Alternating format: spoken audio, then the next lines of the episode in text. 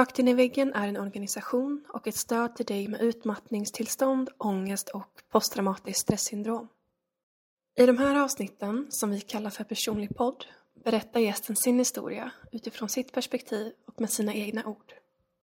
Du är varmt välkommen att återkoppla till gästen eller till oss på Rakt in i väggen efter att du har lyssnat på ett avsnitt. Vi hoppas att du får en givande lyssning och tack snälla du för att du tar dig tid att lyssna. Hej!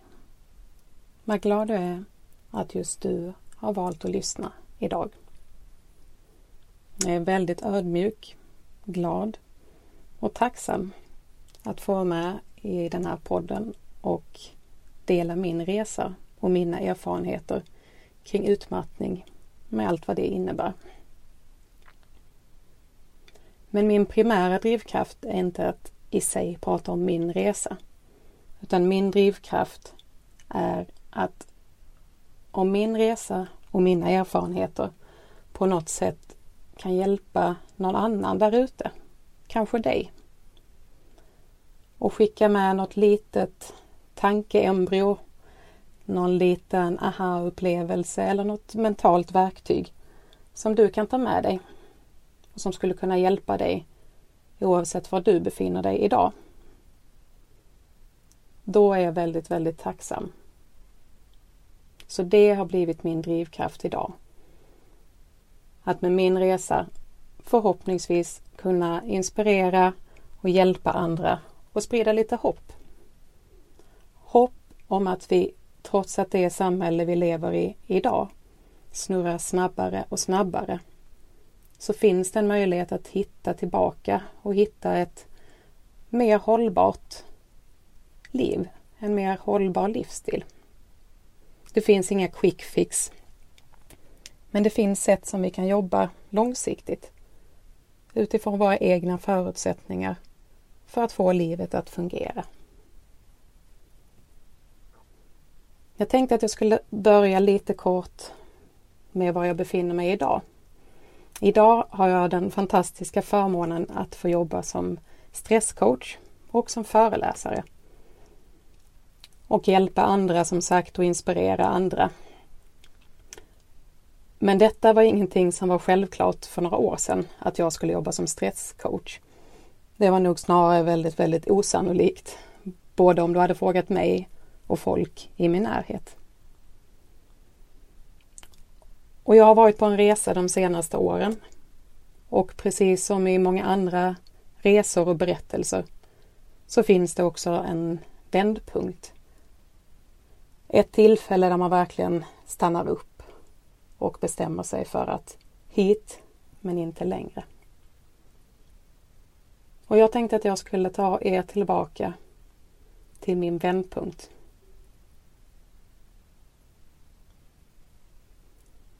Jag väcks i sängen av att det sipprar in lite ljus i ett runt litet fönster i den vita dörren.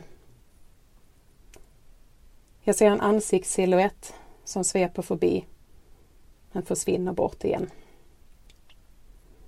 Snabbt reser jag mig upp men konstaterar att det verkar i huvudet, det verkar i kropp och det snurrar hela rummet. Var är jag? Och framför allt, varför är jag här? Det är den 28 juni 2015. Den runda klockan på väggen visar 07.00. Genom den vita dörren kommer en lika vitklädd person. Och min enda tanke där och då, det är, det var inte så här mitt liv skulle bli. Jag är då 33 år gammal eller ung, hur man nu vill se på det. Jag har man, jag har två barn, jag har ett fint hus, jag har karriär, titel, allt det där som man på pappret ska ha för att vara lyckad. Men jag var verkligen den här klyschan.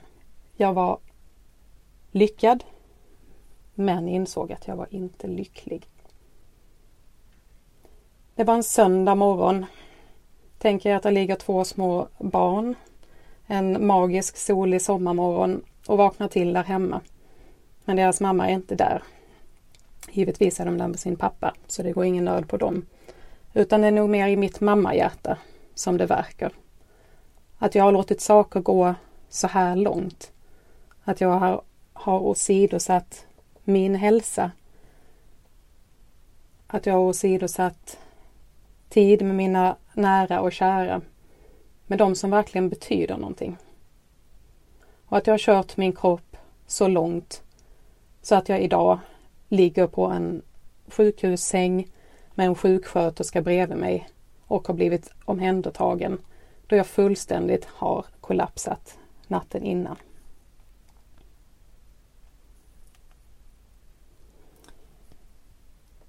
Ja, det är alltid, ehm, trots att det ligger snart fem, sex år tillbaka i tiden, det är alltid tufft att ta sig tillbaka till den, till det tillfället. Men det är också en av mina drivkrafter fortfarande, att hit men inte längre. Och därför är det också bra för mig att ibland få bekanta mig med den här känslan. För att verkligen påminna mig om vart jag inte ska landa igen. Som jag nämnde precis så hade jag blivit omhändertagen. Jag hade fullständigt kollapsat efter 24 timmar med någon typ av kundaktiviteter och mingel där min kropp på morgonen redan när jag gick upp sa fysiskt stopp. Jag ställde klockan på 04.00 hemma i huset. Jag gick upp. Jag tog tåget upp till Göteborg, piffade till mig lite på vägen, drog på den här jobbkostymen. En jobbkostym som vid det laget inte bara innebar fysiska kläder utan det var lite som att ta på sig någon superman eller superwoman dräkt där hela jag gick in i en annan person för att orka med. Och ganska exakt 24 timmar senare, alltså 04.00 natten efter, så kollapsade min kropp. Vi hade haft kundaktiviteter, vi hade haft grejer hela dagen. Och givetvis, jag får ofta frågan om det var liksom på grund av alkoholintag som det här hände. Och eh, mitt svar är då att givetvis så hade vi druckit precis som man kanske gör eh, vid vissa tillfällen när det är fest eller när det är den här typen av kundaktiviteter. Men nej, det var inte alkoholen. Om jag hade någon drog vid det laget så var det jobbet. Alkoholen har aldrig varit ett problem i mitt liv. Men jobbet däremot, det var min drog. Det var den jag inte kunde få nog av. Sen exakt hur den här vändpunkten hade sett ut, det kunde nog ha blivit så som det blev nu. Någon annan fysisk kollaps, en, som en väninna till mig som fick en stroke. Det här kan ta sig på väldigt många olika sätt. Men här sa min kropp stopp. Efter ett halvår med väldigt, väldigt kraftiga varningssignaler som jag själv hade valt att trycka undan som jag väl själv hade valt att inte ta till mig utan att fortsätta. Och till slut så sa kroppen stopp. Ja, som ni säkert kan förstå så eh, är ju inte detta något tillfälle som man är varken stolt eller vid tillfället glad för. När detta hände så berättade jag i stort sett inte för någon alls. Jag hade några i min närhet. Men i mångt och mycket så fortsatte jag att mörka att jag mådde så här dåligt. För jag tyckte att det var den ultimata nederlaget och skammen att man skulle behöva bli sjukskriven. Jag vet att jag till och med sa att om man nu kan bli sjukskriven så borde jag blivit det för länge sedan. Jag hade som sagt pressat min kropp så länge så att jag tänkte att har den inte gått sönder än så är det nog inte möjligt. Och om det är möjligt att man går in i väggen så är det för sådana där andra personer, för svaga människor. Men det är ingenting som händer mig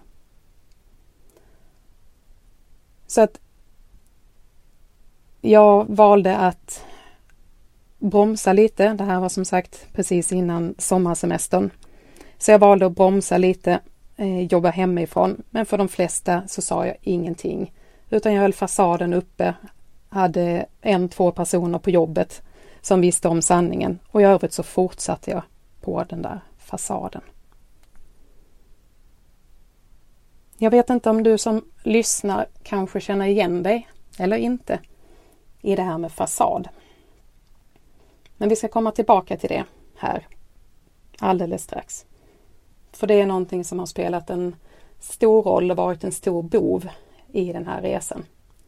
Men innan vi går vidare så vill jag säga att den här vändpunkten som där och då var fantastiskt jobbig på alla sätt och vis är jag så tacksam för idag.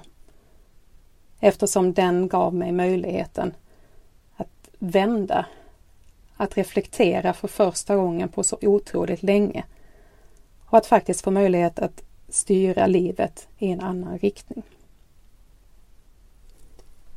Men om vi backar lite längre då. Vem är jag som sitter här och pratar? Som ni kanske har läst i poddbeskrivningen här innan så heter jag Malin Gunnäng och jag har två fantastiska barn och bor i Skåne som ni säkert har hört på dialekten. När jag växte upp så växte jag upp i en eh, fantastisk familj med mamma och pappa och två systrar och hade väl vad man skulle kalla för en helt normal, om det nu finns någon normal, uppväxt. Mina föräldrar har sagt att jag ofta var den som var lite livsnjutare och verkligen tillät mig att, att njuta av, av livet. Men någonstans på vägen så försvann den väldigt mycket. Den har börjat komma tillbaka nu och det är jag väldigt glad för. Men många år var den helt borta.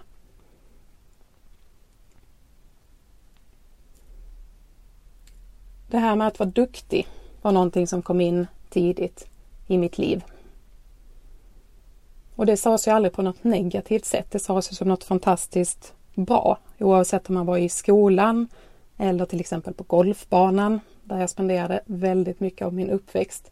Eller vad man än gjorde så var ordet duktig någonting som verkligen var på tapeten och ett modeord då. Och det sa man ju som sagt uppmuntrande och med kärlek. Men det här med att vara duktig och i förlängningen bli den här duktiga flickan och prestationsprinsessan. Det är någonting som har etsat sig fast sedan länge. Och som sen jag har tagit med mig in i mitt, mitt arbetsliv och i alla de olika saker och projekt som jag har tagit mig för. Men i alla fall, jag pluggade och visste att jag ville jobba med sälj och marknadsföring på något sätt. Så när jag var strax över 20 så flyttade jag från en liten eh, håla i Skåne upp till Stockholm. Jag började plugga och givetvis så visade jag framfötterna även här, både med pluggresultat men också när vi skulle hitta vår praktikplats. Min sista praktikplats hittade jag på en av de mest framstående byråerna i eh, Stockholm. Där jag helt plötsligt jobbade på en, en fantastiskt spännande och häftig event och kommunikationsbyrå. Jag satt som 21-åring i Sturegallerian mitt i smeten och tyckte att livet var väldigt, väldigt häftigt och spännande. Och det här med att vara duktig, det var någonting som jag anammade väldigt mycket. Inte medvetet, men så fort man gjorde bra saker, så fort man ställde upp, så fort man fixade den här deadlinen, så fort man löste det där omöjliga projektet, så fick man de här klapparna på axeln. Och de här klapparna på axeln, de blev i slutet beroendeframkallande och en kick efter en annan. Och för att få de här kickarna, då fick du göra mer och större projekt. Både för att du skulle känna dig nöjd med dig själv men också för att andra skulle bli nöjda. Så hela tiden höjdes ribban. Jag jobbade på, ehm, på det här stället och eh, jobbade mig upp en bit innan jag började på en eh, ny byrå där jag var lite kortare period och sen eh, vidare till en eh, tredje byrå där jag var i väldigt, väldigt många år. Och jag tycker att det är viktigt att lyfta fram att jag i den här resan inte klandrar någon annan. Jag klandrar inte någon, eh, något, någon arbetsgivare, någon på jobbet, ingen i min familj, i min närhet, varken som fanns i min närhet då eller nu. Och jag vet att alla gjorde det de kunde utifrån de förutsättningar som de hade. Men när jag var som sagt ungefär 24-25 så började jag jobba på den här nya byrån och ganska snabbt så blev jag gruppchef.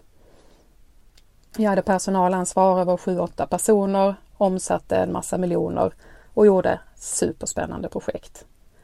Jag reste, träffade folk, träffade kändisar, träffade profiler som man tidigare bara hade satt, sett på TV. Och helt plötsligt så satt man med ett projekt större än det andra. Och hjulet var igång. Detta var runt 2007 och vi skulle kunna säga väldigt mycket om de här åren. Men i mångt och mycket så hade jag tyckt att jag hade världens roligaste jobb. Och när någon frågade mig vad jag hade för fritidssysselsättningar så tittade jag nog lite konstigt på dem och tänkte att vadå fritidssysselsättningar? Jag har ju jobbet. För det var så kul och det fyllde så många olika saker, både socialt och intellektuellt. Så väldigt många år hade jag ingenting vid sidan om. Innan vi snurrar fram bandet lite längre så vet jag att tidigt på det här jobbet så fick jag en, en utmärkelse. Den utmärkelsen hette Årets slitvarg. Årets slitvarg. Smaka lite på det. Det fick man då med motiveringen att jag var först på morgonen, sist på kvällen och den som alltid ställde upp för alla. Återigen så är det ju i sig menat som en, en komplimang och någonting fint. Men vad tror du händer inne i kroppen på en 25-årig tjej som någonstans är precis i början av karriären? På vilket sätt lägger det ribban på vad man behöver prestera och vad man förväntas göra? Och att man premieras på något, något sådant som att man faktiskt är först på morgonen, sist på kvällen och alltid ställer upp. Ingenting som jag tänkte på då. Jag var väldigt glad och tacksam. Men i efterhand så vet jag att den och många andra saker har verkligen lagt nivån på vad jag la min nivå de kommande åren. Så detta var som sagt runt 2007 och eh, jag kan inte ta med er eller kommer inte hinna ta med er på alla de här åren. Men det var som sagt fantastiskt roliga, utvecklande, spännande år på de allra flesta plan. Men om vi började närma oss 2015, alltså ungefär 8-9 år senare, då började det krackelera lite i den här fasaden. Ni minns den här fasaden som jag nämnde här för en liten stund sedan, att den har spelat en stor roll. Jag förstod inte det heller där och då, men jag la så mycket energi på att ha den här perfekta fasaden. Att allting utåt sett skulle se så bra ut. Att man inte skulle visa att man inte klarar av saker utan man löste grejer själv, man frågade ingen annan utan man styrde upp grejer. Även på ytan att allting liksom såg bra ut och att man, man var lyckad helt enkelt. Och det låter ju alltid lite märkligt, i alla fall för mig, när jag reflekterar bakåt. För då kan man tänka att hur kunde det här vara så viktigt? Och det var ju ingenting som jag tänkte på medvetet varje dag. Det var ju bara som sagt ett hjul som snurrar snabbare och snabbare och en ribba som höjdes högre och högre. Så det var inget jag tänkte på att nu ska jag gå in och leverera lite till. Utan för att det skulle funka i den miljön som jag var i. så blev det så. Att man höjde ribban, man gjorde större projekt, man utmanade sig mer, man levererade mer, man hjälpte alla andra.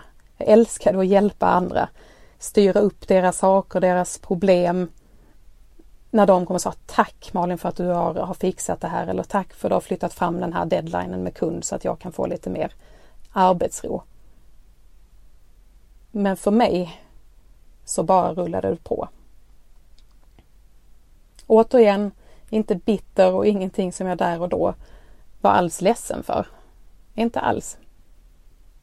Men jag kan se det nu i backspegeln. Så jag tar en liten, en liten slurk vatten här.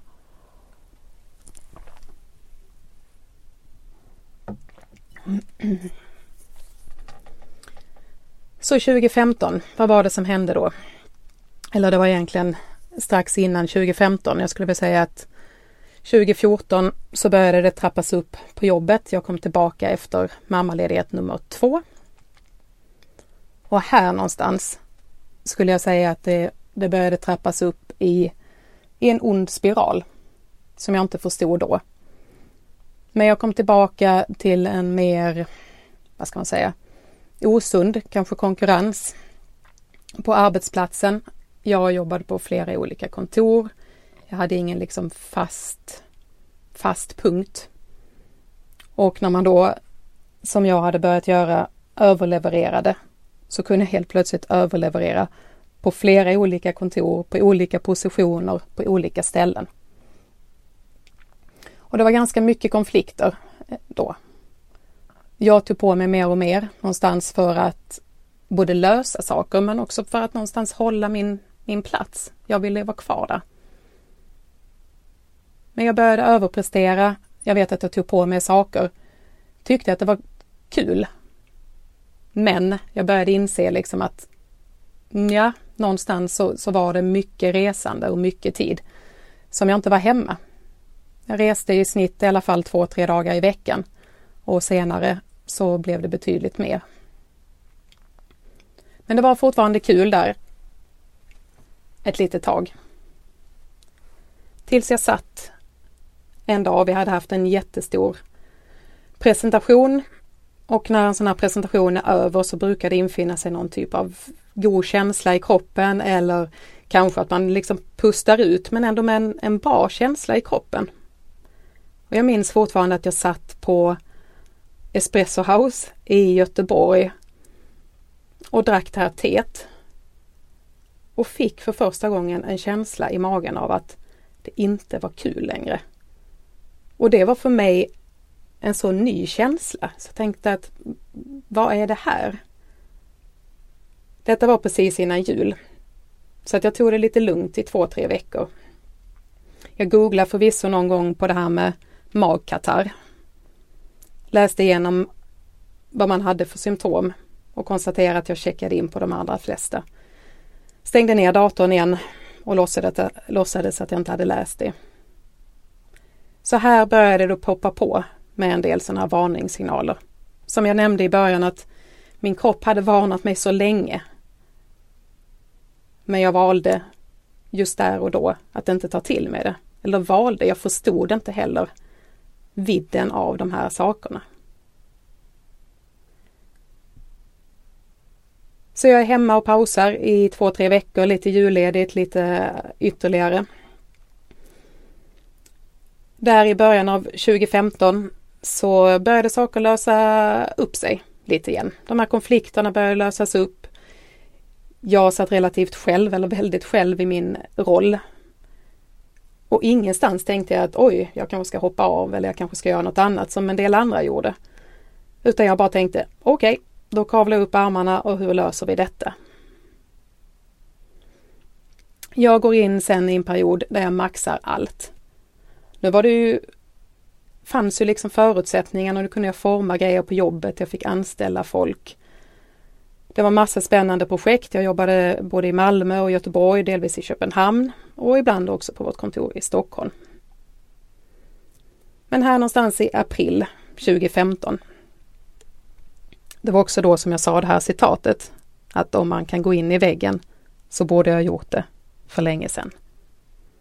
Det var bara tre månader innan den här kollapsen. Jag tar på mig fler och fler projekt fast jag knappt ens hinner ha liksom tid för uppstartsmöten. Jag börjar förstå att det kanske finns ett problem. Börjar se de här varningssignalerna.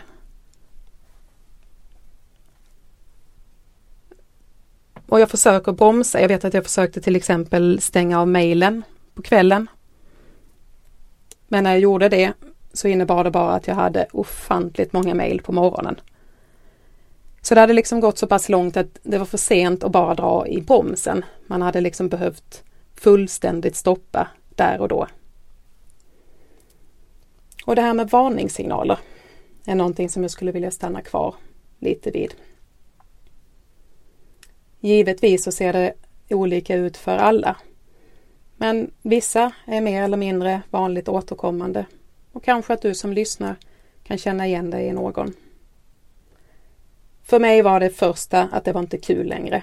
Jag har alltid triggats av det här med att ha en grej till, ett projekt till, en deadline till, någon som har ringt, någon som har liksom kommit med den här sista pucken precis innan ett stort event eller precis innan en deadline och som man tänkte att yes, nu får man lite leverera. Det triggade mig innan, men inte nu längre. Det var inte kul längre. Nu gav det istället en klump i magen. Den klumpen fortsatte under de här månaderna att växa till en stress som förlamade.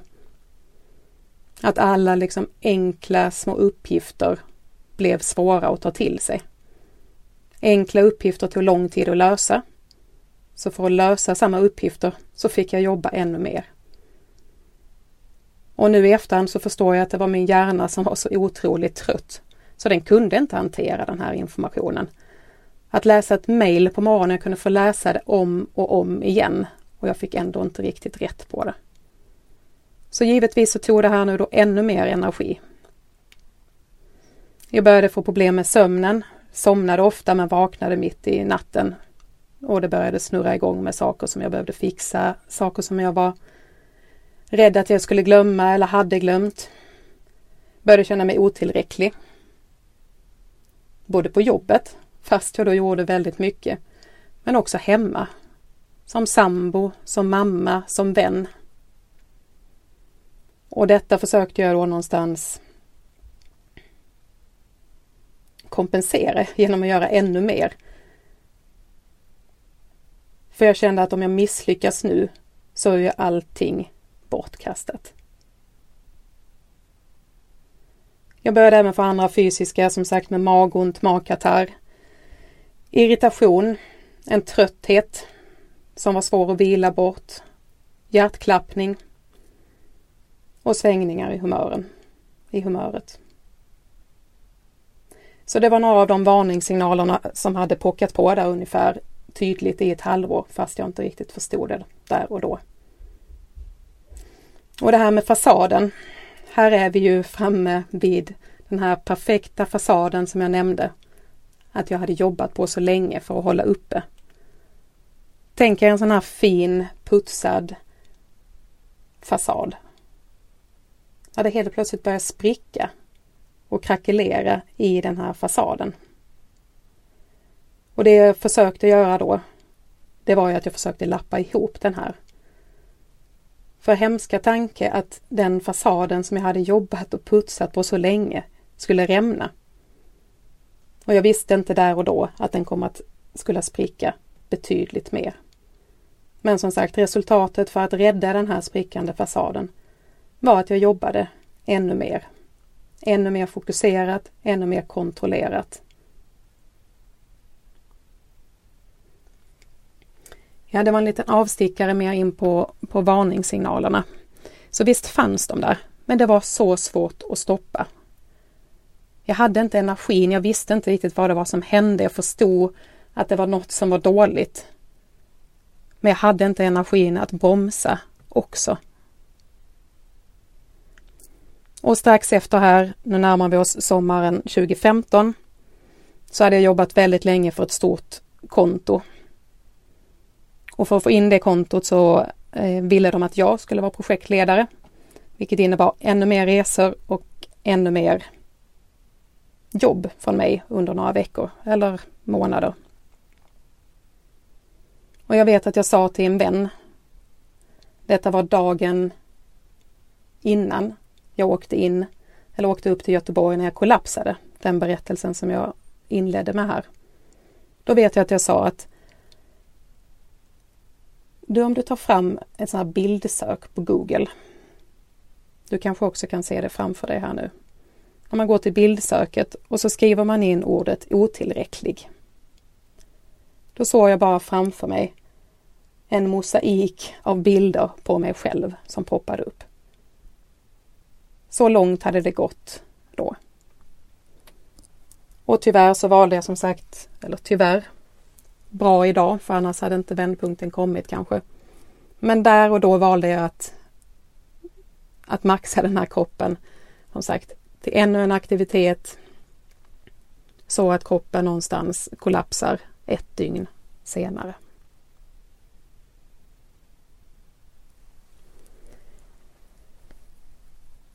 Ja, då var vi som ni säkert kan förstå i ett, i ett fullständigt kaos.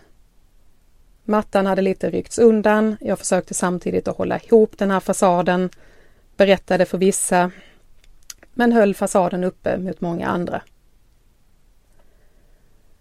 Och jag vet att min dåvarande sambo sa till mig att du skulle hellre sluta jobbet här och nu utan att ge någon överhuvudtaget förklaring än att säga att, och erkänna att du faktiskt behöver vara sjukskriven.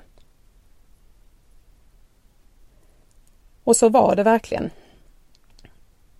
Vilket också låter lite galet idag. Och varför tar jag då upp det här? Jo, för jag tycker att en av de saker som jag verkligen vill lyfta det är det här tabu som fortfarande finns kring psykisk ohälsa, kring utmattning och stress. Att det fortfarande, både av omgivningen men också av den som drabbas, ses som ett stort nederlag, misslyckande och också att det, det här med stress och utmattning och utbränd, det missbrukas lite i dagens samhälle. Man kan höra folk som säger att ja, jag förstår precis, jag var också utmattad hela förra veckan. Och då har man liksom inte riktigt förstått vad det handlar om. Och det är inte den personens fel. Men det är också det jag brinner för, att öka kunskapen och förståelsen. Både hos folk som själva går igenom det, men också hos anhöriga, hos företag, hos företagsledning och de personer som, som sätter tonen på våra företag. Därför vill jag dela det för att vi tillsammans ska kunna fortsätta dela berättelser som gör att den här skammen faktiskt försvinner. För är det någonting som jag har lärt mig så är det att det är inte svaga personer som blir utmattade, utan det är starka personer och personer som har försökt alldeles, alldeles för länge. Och till slut så går det inte längre. Och jag skulle också vilja slå hål på en annan fördom som jag i alla fall har mött många gånger och fick möta många gånger. Och det var det här med att man trodde att det skulle synas utanpå. Nej men, inte är väl du utmattad? Inte är väl du sjukskriven? Du som ser så pigg och glad och fräsch ut. Jag vet inte hur många gånger jag har hört det. Men om jag hade fått en peng varje gång så hade jag varit rik. Och detta är ju någonting som som vi tillsammans behöver jobba på i samhället. Det är så mycket lättare att förstå det när någonting är fysiskt. Låt oss tänka så här att om, om någon hade brutit benet, då får man ofta ett gips på benet och då hoppar man på kryckor eller sitter i rullstol eller gör något annat. Man springer och hoppar inte runder i alla fall. Sen tar man bort det här gipset och då börjar man kanske stötta lite på benet, gå långsamt. Ja, ni förstår vad jag menar. Men när det är hjärnan som är helt uttröttad, då förväntas man att man kan vila en helg och sen kan man vara tillbaka och leverera och göra samma saker igen. Och här finns det en stor utmaning. Både för den som drabbas men också för alla i omgivningen. För att det är så mycket lättare att acceptera för egen del men också för andra att se ifall man har ett brutet ben.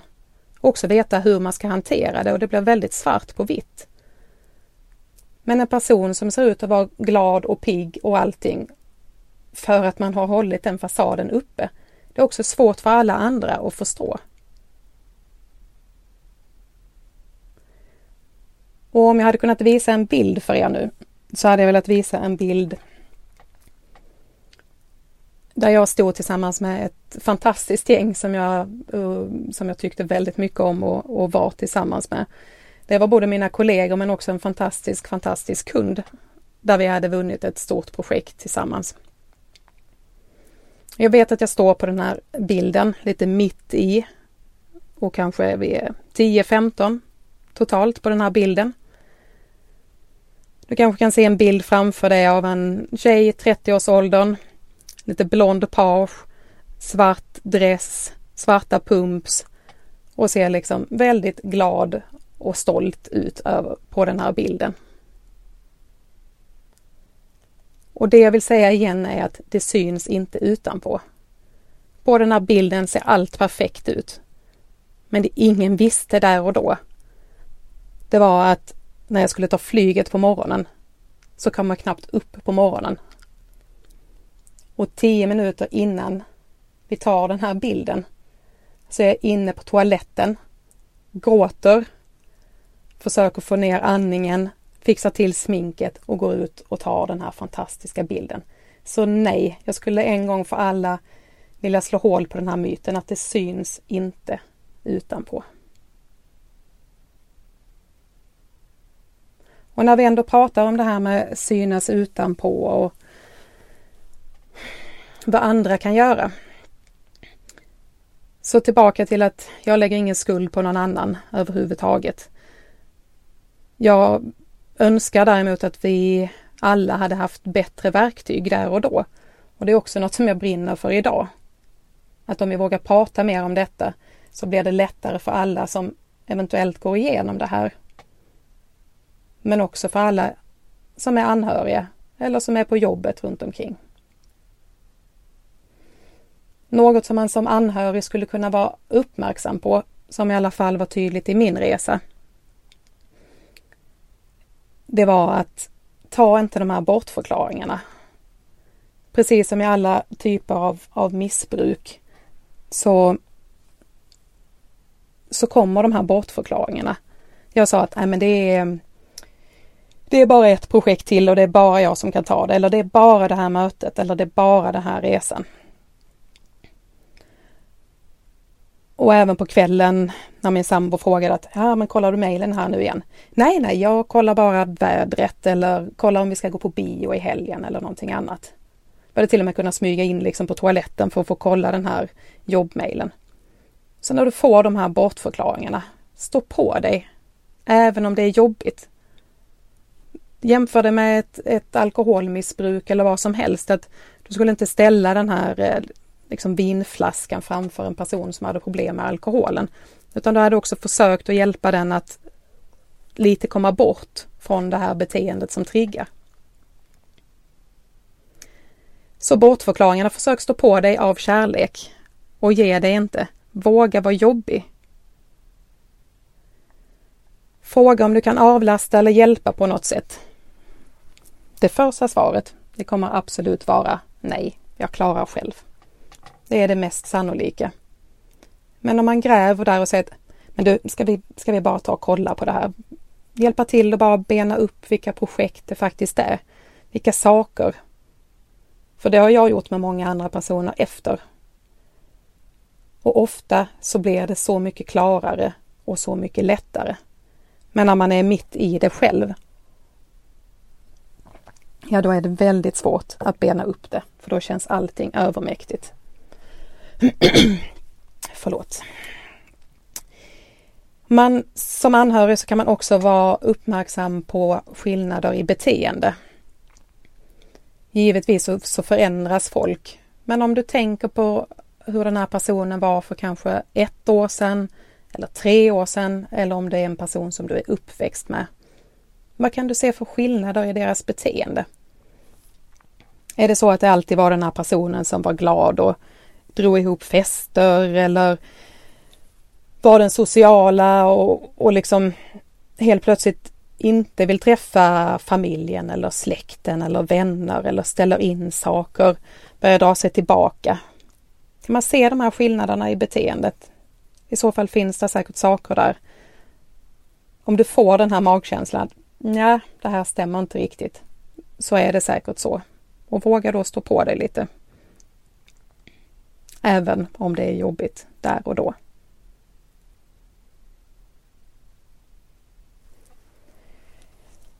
Ja, det är alltid både fantastiskt, jag är så tacksam som sagt för att få dela den här resan och, och prata ur mitt perspektiv och mina erfarenheter.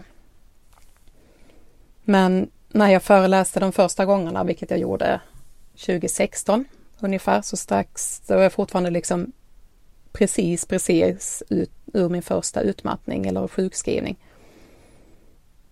Då kunde jag ha heldagsföreläsningar där jag pratade två och en halv timme om bara min resa. Och sen var hela eftermiddagen med praktiska tips och verktyg och sådär.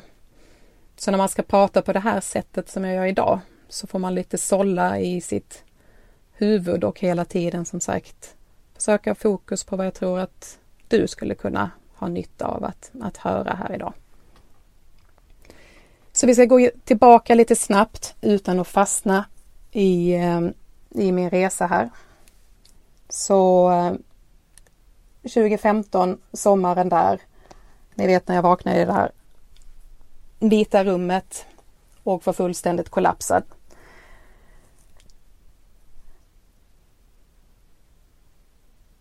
Där och då så ehm, så hade jag två val skulle jag säga. Antingen så kunde jag fortsätta blunda för saker eller så kunde jag börja vända på de olika stenarna och ta tag i saker och ting. Och jag valde i alla fall så mycket jag orkade där att börja ta tag i saker och ting. Det innebar eh, en separation i den relationen som jag befann mig i, vilket givetvis var tufft att vara själv med två barn helt plötsligt tillsammans med den här utmattningen. Men jag valde i alla fall att börja nysta i de här sakerna för jag visste att om jag inte tar tag i det här nu så kommer jag inte komma vidare. Jag måste få rätt på grejer. Så efter sommaren, typ två månader efter den här kollapsen, så vad tror ni att jag var efter sommarsemestern? Jo, jag var på jobbet för jag tyckte att jag hade tagit tag i vissa grejer och börjat styra upp. Och jag kunde fortfarande inte ens tänka tanken att jag skulle behöva vara sjukskriven. Men det höll ungefär, kanske en vecka. Jag minns någon dag där jag satt och tårarna bara rann. Jag var själv inne på kontoret en morgon och tårarna bara rann. Dagen efter åkte jag upp till Stockholm. Jag vet att jag pratade med hon som var HR-ansvarig och jag visste väl inte exakt vad jag satte igång där och då. Men jag visste att någonting måste göras. Så jag sa till henne att jag tror att det är någonting som inte är riktigt bra. Jag mår inte bra. Och det blev bollen i rullning där hon sa att du, jag vet inte heller, men jag sa att gå bara till läkaren så tar vi det därifrån. Vilket jag gjorde. Och sen en vecka senare så satt jag med ett sjukskrivningspapper i handen. Och jag vet att den här sjukskrivningen tog emot så enormt mycket. Det var en blåsig dag i september och jag tänkte att om jag bara släpper den här och låter den blåsa iväg så är det ingen som vet att det har hänt. Men till slut så började jag acceptera, jag började få övriga att förstå och jag började släppa den här fasaden successivt. Började delegera, be om hjälp, under hela den här hösten så jobbade jag då på 50% vilket var lite bättre. Men med facit i hand så blev det att jag jobbade mycket den ena veckan, var hemma med barnen den andra. Och utåt sett så visste kunderna som jag jobbade med inte om att jag var sjukskriven. Så jag hade börjat släppa lite internt men externt fast fanns fortfarande den här stoltheten att jag inte ville visa mig misslyckad. Så jag jobbade den här hösten ehm, och efter jul så körde jag och var tillbaka 100 Och även om jag vet att jag försökte prioritera, delegera, satte upp regler för mig själv för att inte falla tillbaka, så var det alldeles för tidigt. Men jag jobbade medvetet, jag satte gränser, eh, var väldigt tydlig mot mina kollegor. Så där hade jag helt släppt på, på fasaden för att det skulle funka. Och det funkade väl OK ett halvår ungefär. Så fram till sommaren. Och jag vet att jag tog den här sommaren som kom då 2016 och tänkte att nu, nu ska jag bli hel och ladda. Jag var ledig, jag var på solsemester, jag läste böcker och bara tankade energi. När jag kom tillbaka till jobbet så var det rätt så kaosigt. Omorganisation, massa saker på gång och jag gick in i jobbet igen som räddning och plåster. Det var även andra privata saker som rasade och var stökiga. Och helt plötsligt så var jobbet min räddning igen. Helt plötsligt så var jag den som alla kom och klappade på axeln och sa att ah, det är tur att du är här Malin för annars så vet jag inte vad vi hade gjort. Och tack för att du styr upp det här. Och så många år som jag hade haft det här klapparna på axeln att alltså Malin du är fantastisk. Du är som en robot, du löser allting. Tänk att bli kallad robot. Och tänk att dessutom ta det som en komplimang. För att man är i ett sådant klimat att det är någonting som normaliseras. Så här var det klappar på axeln och stora projekt. Och för, en, för första gången på ganska länge så var jag också ute på de här projekten som skulle då genomföras, de här stora eventen och konferenserna. Rätt så länge hade jag mest varit inne på kontoret men nu var det liksom årets, årets största projekt. Och det blev sena nätter, mycket resor och absolut ingen, ingen ordning med sömn, ingen ordning med återhämtning på något sätt. Så trots att jag hade kommit tillbaka där i slutet på augusti och tyckte att nu har jag laddat mig hela sommaren. Så tog det ungefär en månad. En månad tog det att rasera allting igen. För det fanns inte mer reserver och kroppen var liksom inte ens nära att vara läkt sedan förra gången. Jag vet att jag satt, kunde sitta på tåget. Jag spenderar ganska mycket tid, som ni kanske har förstått, på både tåg och flyg. Och jag vet att jag satt en, en resa mellan Malmö och Halmstad. Jag bara tittade på den här laptopen. Jag var helt oförmögen. För jag fick sån panik och klump i magen av tanken på att öppna den här. Men här började jag i alla fall liksom lite bromsa lite snabbare. Jag ber om hjälp till folk. Jag ställer in en del saker. Men samtidigt så är hjulet fortfarande i väldigt snabb snurr. Så att jag försöker, jag reser. Någon dag vaknade jag i Göteborg, åkte till Stockholm, vidare till Köpenhamn, trots att jag bodde i Malmö, men för att vara på plats i Köpenhamn till morgondagens möten. Och när jag skulle åka från Köpenhamn upp till Stockholm och har gått igenom incheckningen då blir det en sån här fysisk kollaps. Ett ytterligare sånt här avgörande ögonblick. För då hade jag försökt att stänga av någon dag. Jag hade stängt av mejlen. Jag hade stängt av telefonen. Inte långa stunder, men långa stunder för att vara mig och för att vara i vår bransch och i den situationen. Men när jag då satte på telefonen igen, när jag hade gått igenom den här säkerhetskontrollen, så bara ja, kom tårarna och allting. Och för första gången i mitt liv så tror jag att jag fick lära mig definitionen av att fingråta och fulgråta. För då fulgrät jag, tårarna bara, bara rann.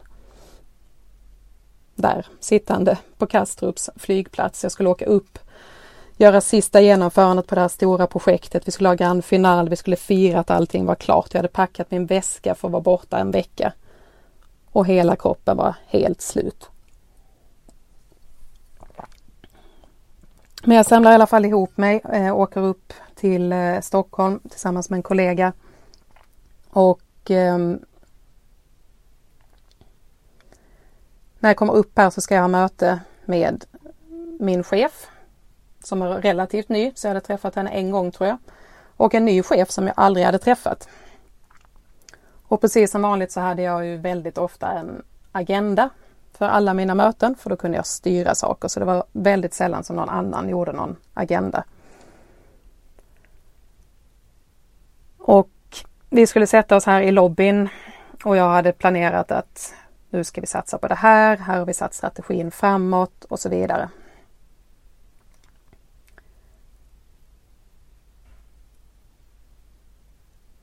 Och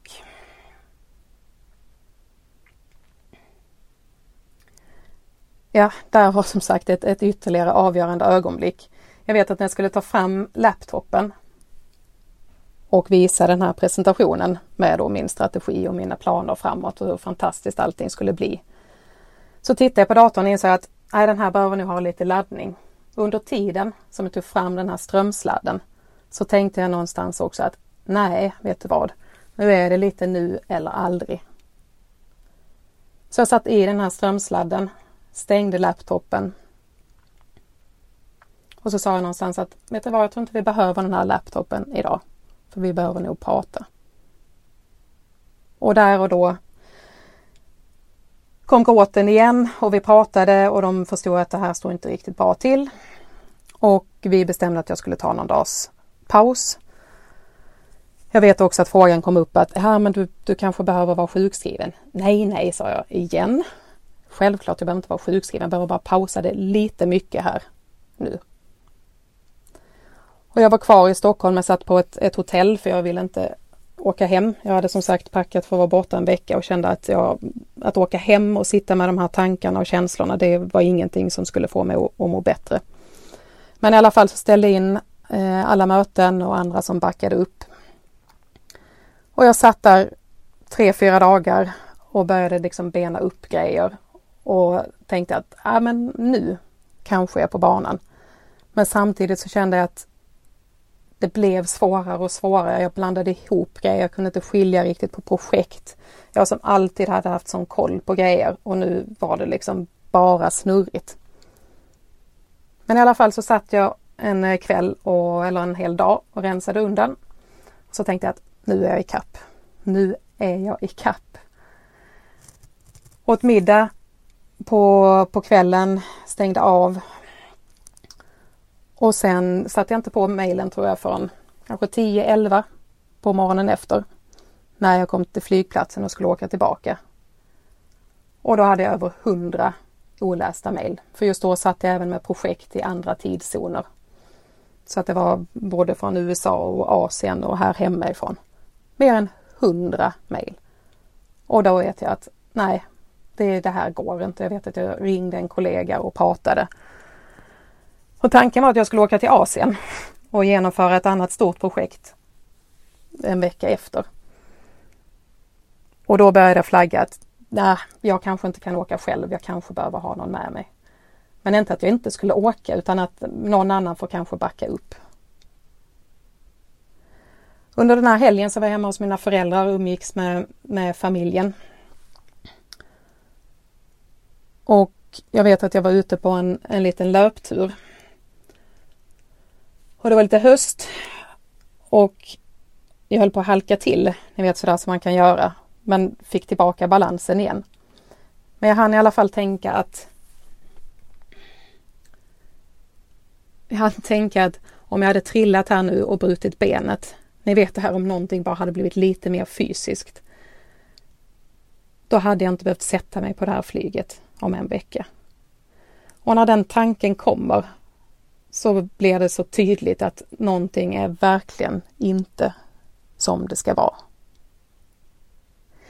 Så då skrev jag ett långt mejl till min chef, skickade det innan jag pratade med henne för att jag inte skulle hinna ångra mig och skrev att Det är, nu är jag snart där igen, där jag har lovat mig själv att det inte var. Och mina vänner, min familj, mina barn. Jag måste hålla det här löftet till mig själv. Jag kan inte köra på längre. Så att med en vecka kvar till vi skulle ha ett stort genomförande i Asien så går nästa vecka åt till överlämning. Att sätta in en helt ny person i det här projektet. Att förklara för den här kunden att jag inte skulle åka med. Och här vill jag också stanna upp lite för ofta Ofta så målar vi upp scenarion i våra hjärnor. Och våra hjärnor är inte jättesmarta alltid. De kan inte se skillnaden på ett, ett verkligt hot och ett hot som vi målar upp i våra hjärnor. Så när vi målar upp skräckscenarion att oj, om jag tackar nej till det här så kommer den här bli jättebesviken eller vad ska den säga eller vad ska de tycka? Då målar vi upp skräckscenarion i vår hjärna som också triggar en enorm stress i vår kropp. Och under den här veckan fick jag ta många sådana jobbiga samtal. Där jag tänkte att oj, det här kommer att bli jobbigt. Men efteråt, inget av det var så jobbigt i närheten som jag hade trott att det skulle vara. Och det är någonting som jag skulle vilja skicka med dig idag. Att vad är det värsta som kan hända? Och ofta, eller jag skulle nästan säga aldrig, blir det så illa som det är i våra huvuden. Sen blev jag i alla fall sjukskriven här. Det finns fortfarande ett, ett jättemotstånd, så jag är hos läkaren två gånger. Eh, första veckan så är jag fortfarande så uppe i det så han säger att du kom tillbaka en vecka, om en vecka så pratar vi. Och när jag kom tillbaka då efter den här veckan då hade jag skrivit det här brevet till min chef och själv hunnit landa att vi var på väg i helt fel riktning igen. Jag tog den här sjukskrivningen den här gången på 100 procent. Förra gången var jag sjukskriven på 50 procent som jag nämnde och jobbade och höll den här fasaden. Men nu var jag för första gången sjukskriven på 100 procent. Jag lämnar av allt, överlämning. Givetvis gjorde jag världens bästa överlämning. När min chef fick se den här listan som jag hade gjort så sa han att ja, men det här dokumentet som du har gjort här, hur, eh, vilka personer, vilka tjänster täcker detta? Ja, alltså det är ju mina arbetsuppgifter. Så sa han, men jag trodde detta var för liksom tre, fyra personer. Så skevt hade det blivit. Men jag stänger i alla fall av jobbmailen. Jag tar bort jobbmailen för första gången på tio år från min mobil. Jag har fortfarande inte tillbaka den. Jag vet att det är en trigger och en trigger som jag inte vill ha tillbaka. Och jag bara är. Och ni vet kanske hur om du någon gång har satt dig på ett, ett flyg eller bara skulle ta semester och man har haft en sån här tuff period så har du kanske känt någon gång att helt plötsligt så blir man sjuk. Äh, det är så typiskt, nu skulle vi ha semester och så blir jag sjuk. Ja, för att kroppen ser möjligheten att faktiskt få pausa och återhämta. Och det var precis det som hände för mig. Jag började inte må bättre direkt här utan det kom ju liksom ännu, dels var det en extremt, vad ska man säga, extrem abstinens. Kan inte lik, likna det med någonting annat än det. I att ha haft en så tydlig identitet.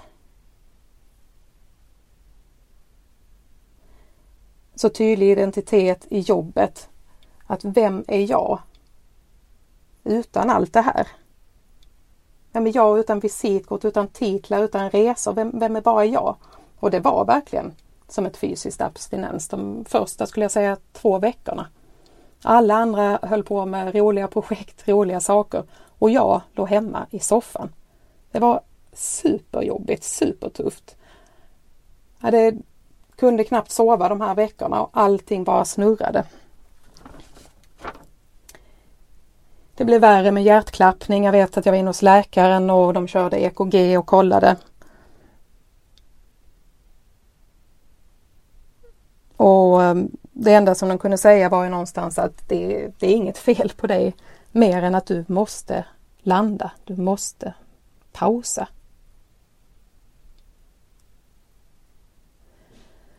Så att till slut så släpper jag allt. Och jag är bara hemma. Och jag är hemma totalt fyra månader. När jag gick hem trodde jag igen att jag kanske skulle vara hemma någon vecka. När någon sa till mig att ja, du kanske är hemma ända fram till mars. Så tänkte jag, nej, det kommer jag väl aldrig att vara. Och jag är så glad att jag inte visste det då, för då hade jag inte tagit med de här fyra månaderna. Men när jag kom hem, jag hade, gick hos en fantastisk psykolog, coach. Vi började prata om värderingar. Är också någonting som jag vill slå ett slag för och som jag idag ofta jobbar med mina klienter. Att jobba med våra värderingar, vad som är viktigt. Det blir verkligen som en, en kompass. Det kanske kan låta lite klyschigt men helt plötsligt så insåg jag att när jag fick skriva ner mina värderingar och vad som var viktigt så var det vänner, familj, hälsa. Det hade jag inte skrivit för fem år sedan. Och om du ska skriva ner dina värderingar, de behöver inte gälla tio år framåt, fem år framåt. De kan gälla ett halvår eller gälla idag. Men de här värderingarna kan ge oss en så viktig kompass framåt. Och de har jag haft väldigt ofta att falla tillbaka på. Och jag satte också ett litet mantra för mig själv, skulle man väl kunna säga att jag ska inte ta en massa stora steg och stora förändringar.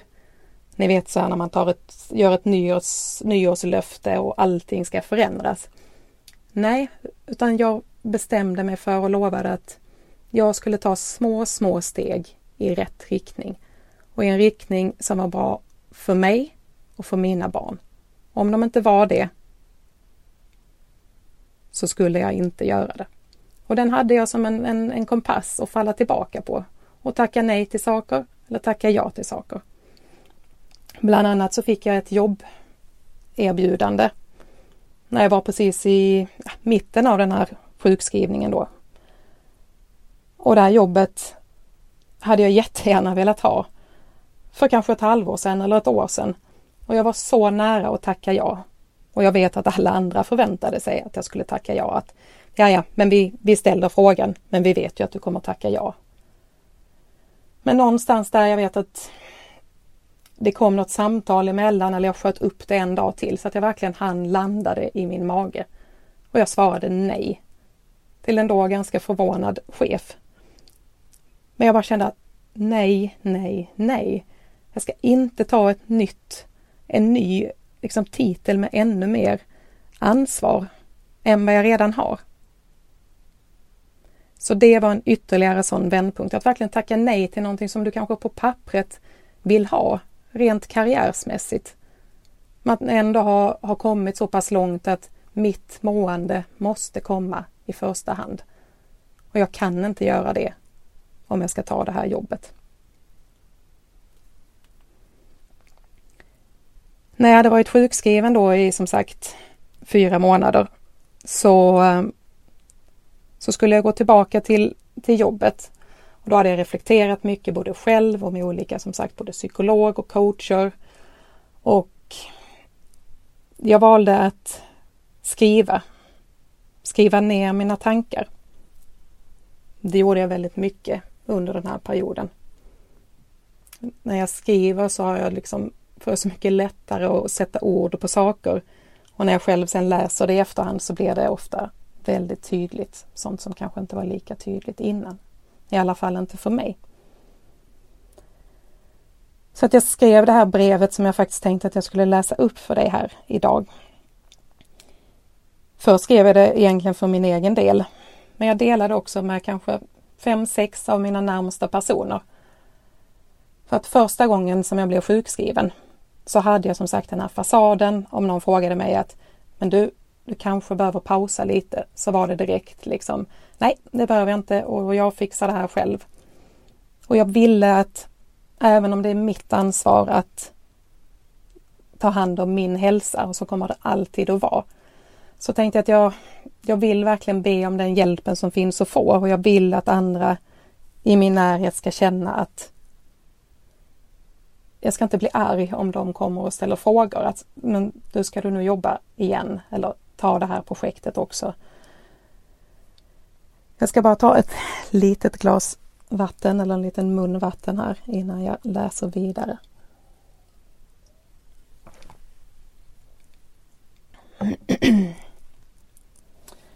Så här står det. Jag står snart inför en av mina största utmaningar på länge. En utmaning och ett vägskäl som kommer att bli avgörande för huruvida jag lyckas skapa och bibehålla en balans i mitt liv. Skapa ett liv utan den här klumpen i magen och tryck över bröstet. Eller åtminstone mindre frekvent återkommande. Att skapa balans och jämvikt mellan alla de ingredienser som ska finnas i ett harmoniskt liv. Att hitta en balans för mina barns skull och för min egen skull. Den sjukskrivning som kändes som ett fullständigt nederlag i september känns nu som något av det bästa som har hänt mig. Ja, klyschigt kanske, men sant. Jag försöker se det nu som ett välförtjänt break efter att ha dedikerat tio år av mitt liv till mitt jobb. Jag har tänkt, jag har känt, pratat, skrivit och tänkt lite till. Det är i högsta grad en pågående process och den kommer att ge mig nya insikter löpande om jag tillåter mig att känna efter och lyssna på kroppen. Jag har nu nått en gräns där jag faktiskt har börjat bli både arg och ledsen för vad jag utsatt min kropp för. Det börjar sjunka in nu när jag inser att en del av de fysiska symptomen kanske inte kommer att försvinna helt. Att hjärnan, minnet och stresståligheten kanske aldrig blir riktigt detsamma igen. Det är faktiskt hemskt att jag tillåtit mig själv att göra detta. Men jag försöker istället vara tacksam. Tacksam att jag bromsade nu. Att jag får chansen att justera, reparera och ändra kurs. Att låta detta bli en lärdom.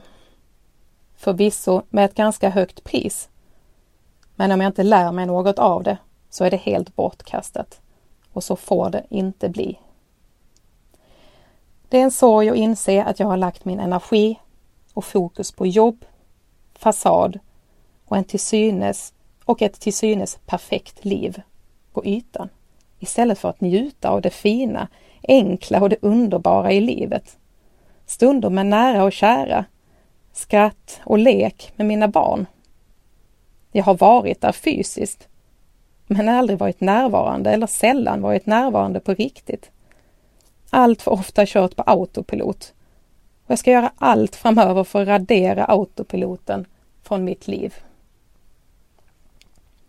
Jag kan och vill aldrig någonsin lägga ansvaret på någon annan än mig själv huruvida jag lyckas med detta. Att inte falla tillbaka i gamla hjulspår igen. Vara duktig, söka bekräftelse och jaga kickarna igen. För mitt förhållningssätt till jobbet och de kickarna som jag som det har gett går tyvärr inte att jämföra med något annat än ett missbruk. Jag skulle aldrig ha sagt det här för två år sedan, troligtvis inte för ett år sedan heller. Det är en insikt som har växt fram successivt. En inte alltför trevlig insikt, men ack så viktig. Helt avgörande faktiskt för att kunna göra en skillnad framöver. I slutändan kommer det vara upp till mig mig och ingen annan att säga nej, stopp och sätta gränser. Men jag skulle vara så otroligt tacksam för en liten puff i rätt riktning på vägen. Jag hoppas så att du ska orka bromsa mig ibland, ifrågasätta och skaka om mig. Inte köpa en massa bortförklaringar när jag talar om att jag mår bra. Eller inga problem, jag ska bara för jag kommer säkert att falla dit ibland. Behöva göra om och göra rätt. För det är läskigt att bryta mönster. Det är läskigt att inte få beröm. Det är läskigt att inte vara bäst på att jobba mest. Att inte få mejl med hyllningar som talar om hur fullkomligt enastående man är. Att inte vara den som vet allt, som löser allt. Det är läskigt att tappa en del av sin identitet. Så när jag är för stolt för att be om hjälp är nära till tårar men tar på mig fasaden istället för att ingen ska se. Talar om att jag har stenkoll på allt fast jag egentligen inte har en aning om hur jag ska lösa det. Säger inga problem, det fixar jag. För att vara snäll, fast någon annan borde göra det. Sitter försjunken i Excel-ark på kvällarna istället för att sova. Synkar mail samtidigt som jag nattar barnen. Vobbar istället för att ligga nerbäddad under en filt och vabba och bara vara mamma. Försöker vara den perfekta mamman genom att piffa och göra allt sådär mysigt hemma istället för att bara ta sig tid att faktiskt mysa. Rycker på axlarna åt att jag mejlar och pratar i telefon samtidigt som jag lämnar på dagis och sen tar två telefonmöten i taxin på väg till flyget. Ja, just då. Just då skulle jag vara så tacksam om du finns där, skakar om och kanske påminner mig att ta några minuter att läsa detta som jag skriver just nu. Att pausa en minut, andas och få perspektiv på vad som verkligen betyder något. Om du misstänker att jag är på väg in i samma spiral igen och du tittar på mig och tänker att ja men hon ser ut att må bra. Snälla, låt inte den här fasaden lura dig igen. Inte en gång till. Jag fin den finns där och jag är expert på att snabbt plocka fram den där fasaden. Och vet du vad? Ibland lurar den till och med mig själv. Men när autopiloten tar över, när läpparna ler fast ögonen inte gör det, då mår jag inte bra. Då är jag på väg att bygga upp den där väl, välslipade fasaden igen. Jag ska verkligen jobba på att bli bättre på att be om hjälp, att säga till när det är jobbigt. Men även om jag skulle vilja skrika ibland så kanske det bara blir ett viskande hjälp. För det finns inte kraft över till att skrika. Att be om hjälp är svårt, men jag har blivit otroligt mycket bättre på det det senaste halvåret och jag jobbar aktivt med det hela tiden. Det är mitt liv, mina val och mina prioriteringar. Ingen annan kan göra förändringarna åt mig. Men jag är tacksam att du finns i mitt liv och den dag du ifrågasätter när jag är ute på hal is så ska jag påminna mig själv om detta brev och vara tacksam, inte arg, inte komma med undanflykter. Bara vara genuint tacksam om du orkar hjälpa mig en liten bit på vägen för att hålla rätt kurs framåt. Ja, det brevet skrev jag alltså till mig själv när jag hade varit sjukskriven de här fyra månaderna och skulle börja jobba igen. Och jag jobbade, gick då tillbaka och jobbade på 50 och det funkade överlag helt okej okay, för nu satte jag stenhårda ramar. Det var min kalender som styrde. Om någon sa så här, ja men kan vi inte ta det här mötet på onsdag istället? Nej, jag kan tisdag förmiddag eller torsdag eftermiddag. Så om inte det funkar så får ni ta någon annan på det här projektet. Så nu har det kommit så långt att jag faktiskt vände på det här. Jag skulle inte tumma på mig själv och jag skulle inte en enda gång till bli sjukskriven på grund av det här. Aldrig mer. Så att det funkar bra. Vi är nu framme 2017, alltså nästan två år efter den här kollapsen som jag inledde med. Jag har alltså haft två sjukskrivningar, en på 50 procent som jag inte riktigt var sjukskriven och en på 100 procent som verkligen har gett mig det här perspektivet som jag så länge, länge hade behövt. Jag jobbar kvar i samma organisation men mitt hjärta är borta ni vet det här som jag sa att jag aldrig ifrågasatte om jag skulle vara kvar eller hur ska vi lösa eh, liksom. Det var alltid jag som löste grejer och det var så självklart att lösa. Men helt plötsligt så kände jag att nej, det måste finnas någonting mer. Det måste finnas något mer. Det måste finnas någon annan mening med vad jag ska göra i mitt liv. Vad jag ska ge och vad jag ska kunna bidra till med min tid här på jorden. Så att i slutet av 2017, alltså ungefär två och ett halvt år efter min kollaps, så säger jag upp mig från jobbet. Folk tycker att jag är lite galen, frågar vad jag ska göra. Jag svarar att jag har ingen aning. Men jag ska inte vara kvar i alla fall. För jag ska göra någonting annat. Och från att liksom ha haft det här trygga jobbet, den här stabila plattformen i liksom tio års tid, så helt plötsligt så hade jag ett blankt papper. Superläskigt men också en sån befrielse. Och här var vi som sagt framme vintern 2017 på väg in i 2018. Och i stort sett hela 2018 så tog jag mig, tog jag mig ledigt. I stort sett ett helt år. Jag gick en del utbildningar. Jag utbildade mig till personlig tränare. Jag utbildade mig till stresscoach. Jag hade en helt magisk sommar. Träffade min kärlek. Hade ju den här underbara varma sommaren som ni kanske minns. Och jag hade bestämt mig för att innan det här första halvåret hade gått så skulle jag inte ens ifrågasätta vad jag skulle göra. Jag skulle inte försöka att planera upp något utan bara vara, vilket jag gjorde.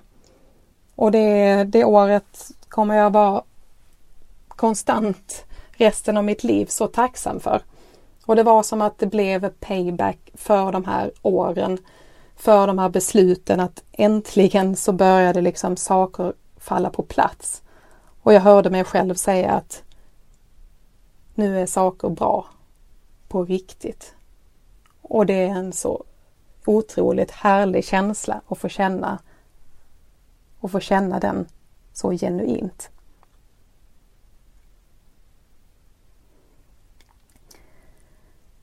Ja, nu har ni fått vara med på stora delar av min resa, även om den hade kunnat göras ännu längre och jag hoppas att du kan ta med dig, kanske känna igen dig både på gott och ont.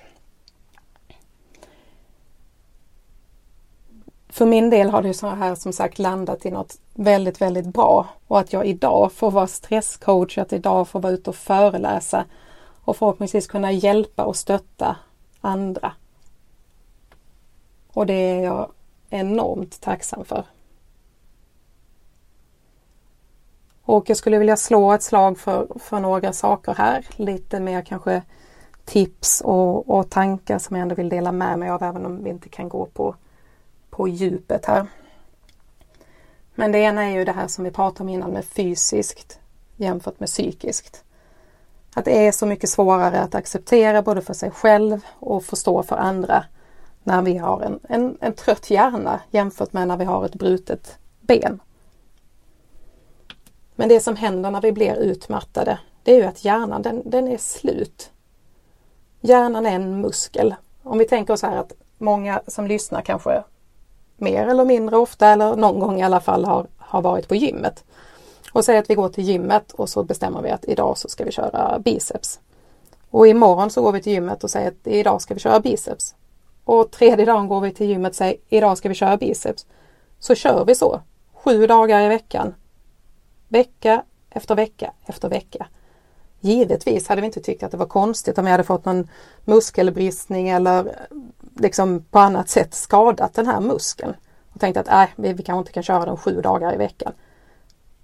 Men när det är vår hjärna som vi kör på samma sätt så tycker vi inte att det är något konstigt utan vi tycker att den bara ska klara dag efter dag efter dag. Det är en muskel, den blir trött och är man utmattad så är den, den är helt färdig och den måste få komma tillbaka och den måste få läka.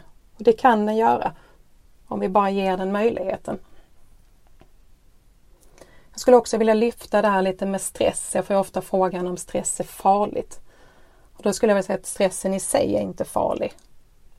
Utan det är brist på återhämtning som är farligt. Stressen i sig är ju livsnödvändig. Den har gjort att vi lever och tagit oss vidare dit där vi är idag. En del av er kanske har lyssnat på, på fantastiska Anders Hansen med eh, när han pratar om hjärnan och hur allting fungerar. Och det finns många andra som pratar om det också. Men vår hjärna idag är ju samma hjärna mer eller mindre som vi hade för 40 000 år sedan. Då behövde vi ha den här stressen. Den fick oss att springa från det här lejonet på savannen och gömma oss i grottan så att vi inte blev uppätna. Och den här stressen var ofta kortsiktig och sen så gick vi in i grottan. Och där pausade vi. Och sen hade vi mörker och ljus så att vi kunde inte vara ute när det var mörkt utan då vilade vi och fick sömn och hade en bra dygnsrytm. Men tänk den här hjärnan som vi hade på savannen när vi sprang runt i höftskynken. Tänk att slänga in den hjärnan idag. I mobiltelefoner, i dator, i konstant uppkopplat, i det extrema informationsflöde som vi lever i hela tiden. Om vi tänker så så är det inte så konstigt att vi blir stressade. Det är ju snarare konstigt att inte ännu fler blir det. För att vi har slängt in hjärnan från savannen idag. I dagens samhälle. Och när vi har den här kortvariga stressen, när vi ska springa från det här lejonet på savannen. Då går blodet ut i de stora musklerna, vår puls går upp, vi blir torra i munnen, alla vätskor minskar när vi är stressade. Det innebär också att matsmältningen inte fungerar så bra för när vi ska springa från ett lejon så behöver vi inte, tycker kroppen, smälta maten samtidigt. För att den här faran snart är över. Men vad händer då på lång sikt? Jo, på lång sikt så får vi de här spända musklerna, högt blodtryck och en mage som inte fungerar. För de här funktionerna som är gjorda för att vara en kort stund, det vill säga att blodet pumpar upp i musklerna så att vi ska kunna springa iväg och så vidare. Det har istället blivit kroniskt. Det har blivit ett mentalt lejon i våra hjärnor, i våra kroppar. Och det mentala lejonet ligger och för väldigt många idag triggar en, en konstant stress. Och ofta så kan man ju, eller många i alla fall, relaterar ju stress till att ha mycket att göra. Men jag skulle vilja säga att stress i sig det är inte att ha mycket att göra. Utan det är oron för vad som händer om vi misslyckas. Jag tar det en gång till. Att stressa är inte att ha mycket att göra utan oron för vad som händer om vi misslyckas. Låt mig ta ett exempel. Att du, du sitter på, på kvällen och har en, en deadline och tänker att shit om jag inte får in den här presentationen ikväll då kommer min eh, chef att bli jättearg. Och sen så kommer min kollega att bli besviken och min kund kommer att bli arg. Vi kanske tappar det här kundkontot. Tappar vi det här kundkontot då kanske jag blir av med jobbet. Blir jag av med jobbet kan jag inte bo kvar i lägenheten. Och blir jag av med lägenheten så har inte barnen någonstans att bo. Och så vidare och så vidare. Ni förstår? Så att det som sätter igång den här stressen, det är ju våra tänk om-tankar där hjärnan inte kan förstå att det här är påhittade tankar utan ser att det är, är verkliga hot. Vad tror du skulle hända om vi tränade på att bara sätta punkt? Att jag kommer inte bli klar med den här presentationen ikväll. Punkt. Kan du känna hur stor skillnad det blir i kroppen? Att det inte blir alls det här stresspåslaget som när vi börjar måla upp de här tänk om scenarierna utan bara, jag kommer inte hinna den här presentationen idag. Och sen stannar vi tanken där och det är helt okej. Okay.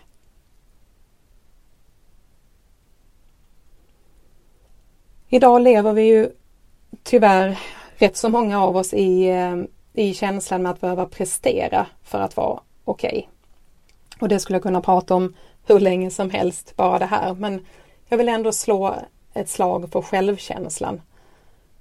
Och du får jättegärna höra av dig till mig efter med, med de här övningar och tankar och vad som helst så ska jag gärna gå mer på djupet. Men självkänslan, det är ju det här med att bara vara. Inte att göra som har med självförtroendet att göra utan självkänslan att bara vara.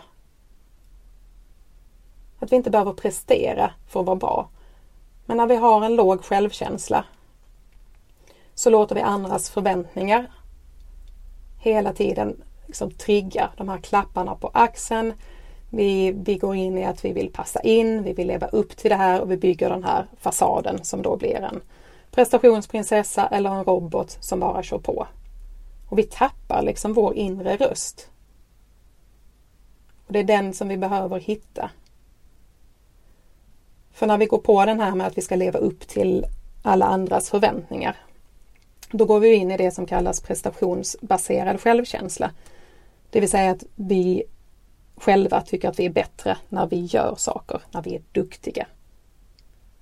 Och här behöver vi träna så väldigt många av oss på att, att det är okej okay att bara vara. Att du är 100% bra precis som du är. Utan att göra någonting.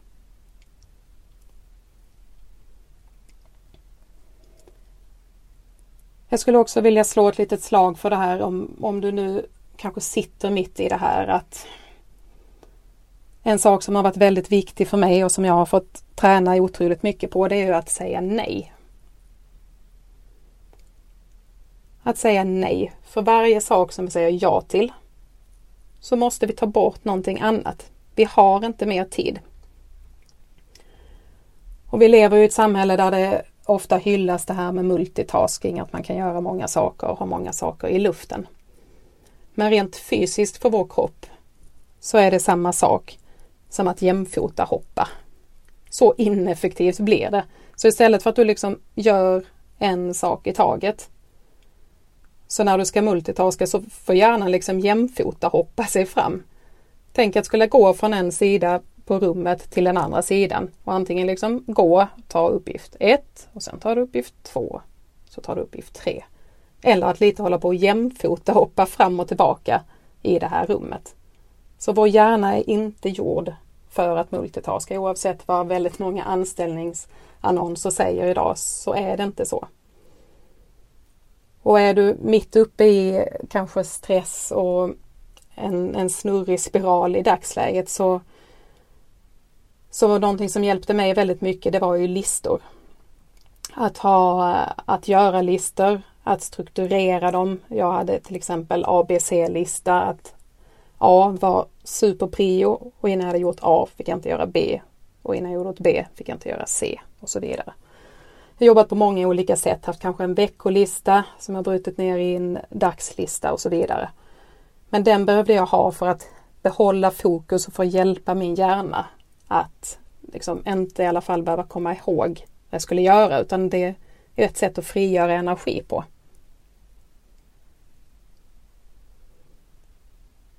Och det är så lätt att tänka liksom att vi måste göra detta, vi måste göra detta, vi måste göra detta. Och återigen att vi får de här katastroftankarna för annars händer detta eller annars blir denna besviken. Och om du inte själv kan bena upp så, så ta och försök att ta hjälp av någon annan, antingen i någon närhet eller om det är så att du är anställd. så är det faktiskt din chefs ansvar att, att hjälpa dig att bena upp. Att också säga det att du vet du vad, att jag upplever nu att den här saken som jag fick av dig, jag upplever att den är lika viktig som, som de här andra men jag har redan sex saker, jag får inte plats med mer. Ja, ja men det är, det är lika viktigt alltihopa, säger kanske då chefen. Att våga säga så, vet du vad, jag, jag hinner inte det så du får hjälpa mig att prioritera. Och ofta då så landar det, ah, okej okay, men, men ta de här, den här kan vänta. Och att vi också vågar faktiskt säga det. Men det är tufft, för då är man inte den här duktiga som ställer upp och som finns där. Men träna på att säga nej, träna på att be om hjälp. Och är det läskigt att säga nej så brukar jag ofta rekommendera till mina klienter att be om betänketid. Svara inte direkt för det är vi också så inmatade att vi ska svara ja eller nej. Utan säg istället att ja men du vet vad, jag, jag hör vad du säger. Låt mig fundera på det så återkommer jag. För ofta då så hinner vi landa i den här magkänslan. Precis som jag hann göra med det här jobbet som jag till slut tackade nej till. Så betänketid är en väldigt bra sätt att också träna upp sig på att komma vidare till att säga nej.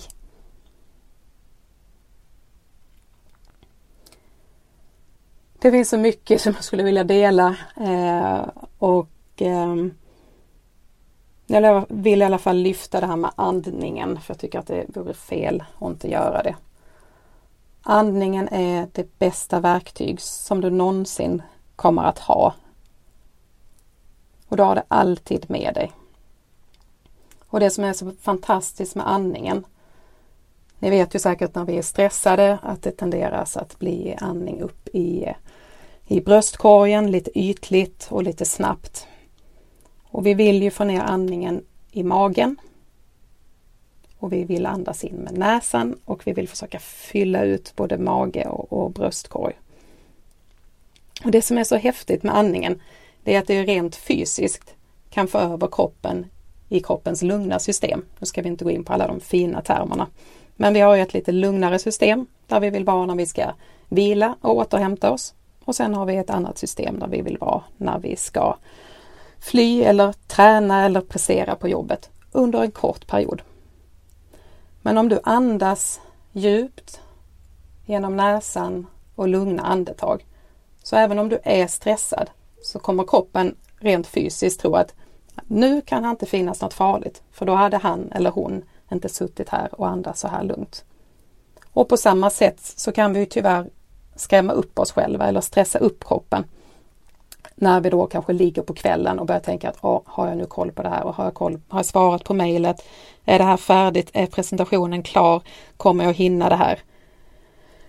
Då börjar vi antagligen andas betydligt mer ytligt, snabbare och helt plötsligt så tänker kroppen att äh, här kan jag inte sova för här verkar vara liksom ett litet lejon på väg så här är det bäst att jag håller mig vaken. Så försök om du vill att testa det här med andningen. Det är ju fantastiskt med yoga och meditation och det, det tycker jag verkligen är helt magiskt. Men när man är mitt i det så kanske det kan räcka att man bara tar tre djupa andetag var du än är oavsett om du är på ett möte eller i bilen eller på toaletten. Bara hitta de här små mikropauserna. För det kan verkligen få ner de här stressspiralerna. Och när vi får ner andningen så får vi också upp ett fantastiskt hormon i kroppen som heter oxytocin. Och när vi får upp det så måste adrenalinet gå ner. Det är som en gungbräda. Och adrenalinet är ju det här som får oss att bli på gång och stressade Väldigt bra som sagt kort men inte konstant i kroppen. Så andningen är fantastisk. Det finns andra bra sätt än varm dusch, tyngdtäcke, allt som har med värme och tyngd att göra. En varm dusch, ett varmt bad, ett tyngdtäcke. Det ger också, den här kropp, ger också kroppen samma känsla av att allt är lugnt och vi är trygga och vi kan koppla av.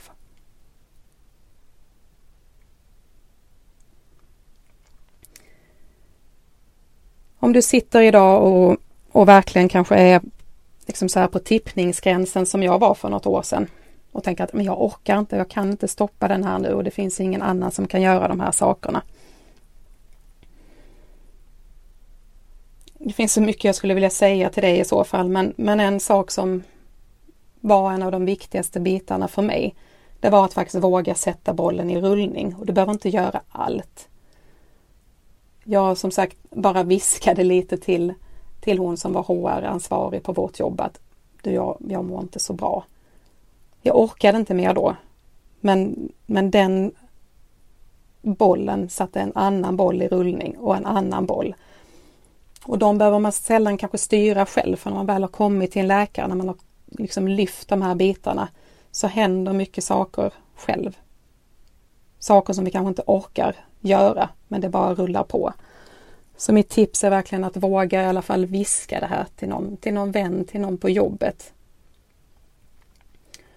Att komma ihåg att ingen kommer att tacka dig i slutändan. Du är fantastisk precis som du är.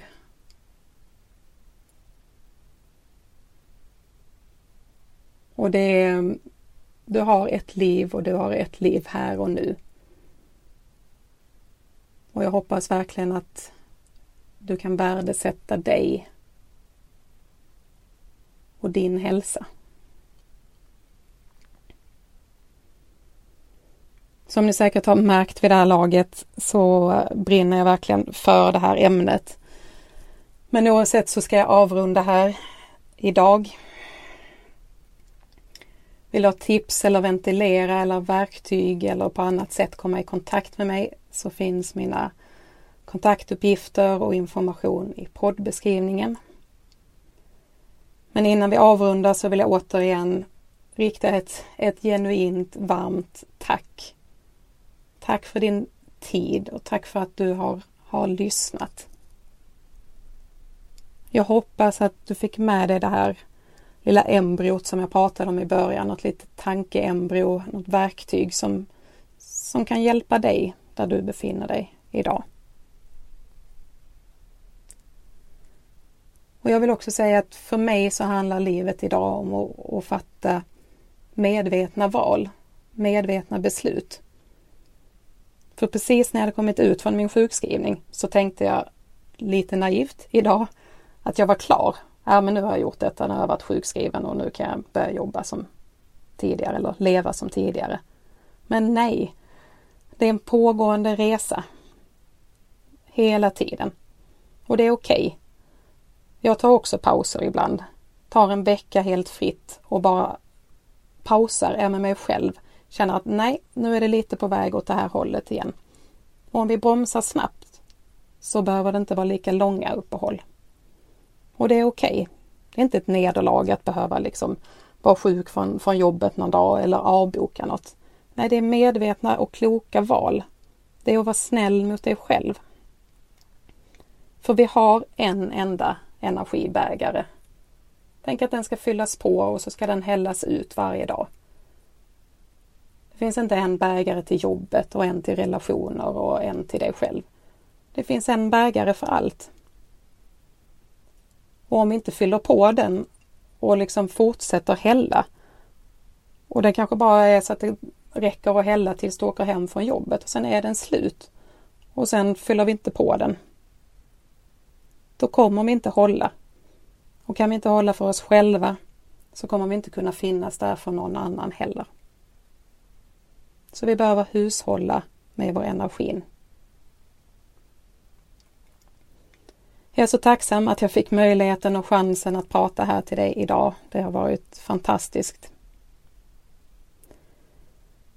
Slutligen så hoppas jag att du kan våga bara vara du. Bara vara, inte göra.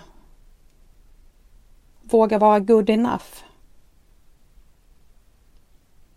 Tänk dig kanske att du sitter och är 80 år och tittar tillbaka på ditt liv. Vad skulle du vilja se då? Vad är det som är viktigast? Vad skulle du vilja att folket säger på din 80-års födelsedag? Skulle det vara så, äh, alltså han eller hon, det var en jäkel på jobbet och ställde alltid upp och snygg och fixad var den alltid. Och, ja, eh, riktigt bra karriär och tjänade mycket pengar och hade mycket bilar och massa häftiga projekt.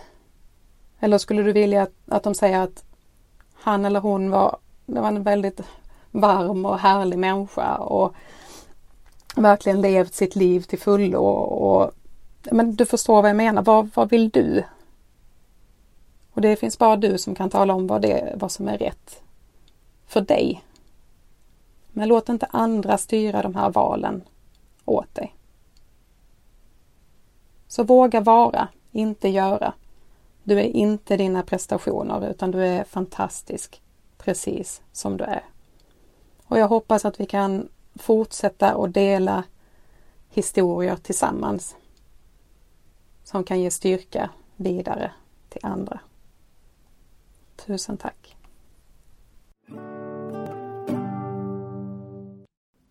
Vill du också medverka i Rakt in i väggens podcast? Besök vår hemsida för mer information på www.raktinivaggen.com medverkan.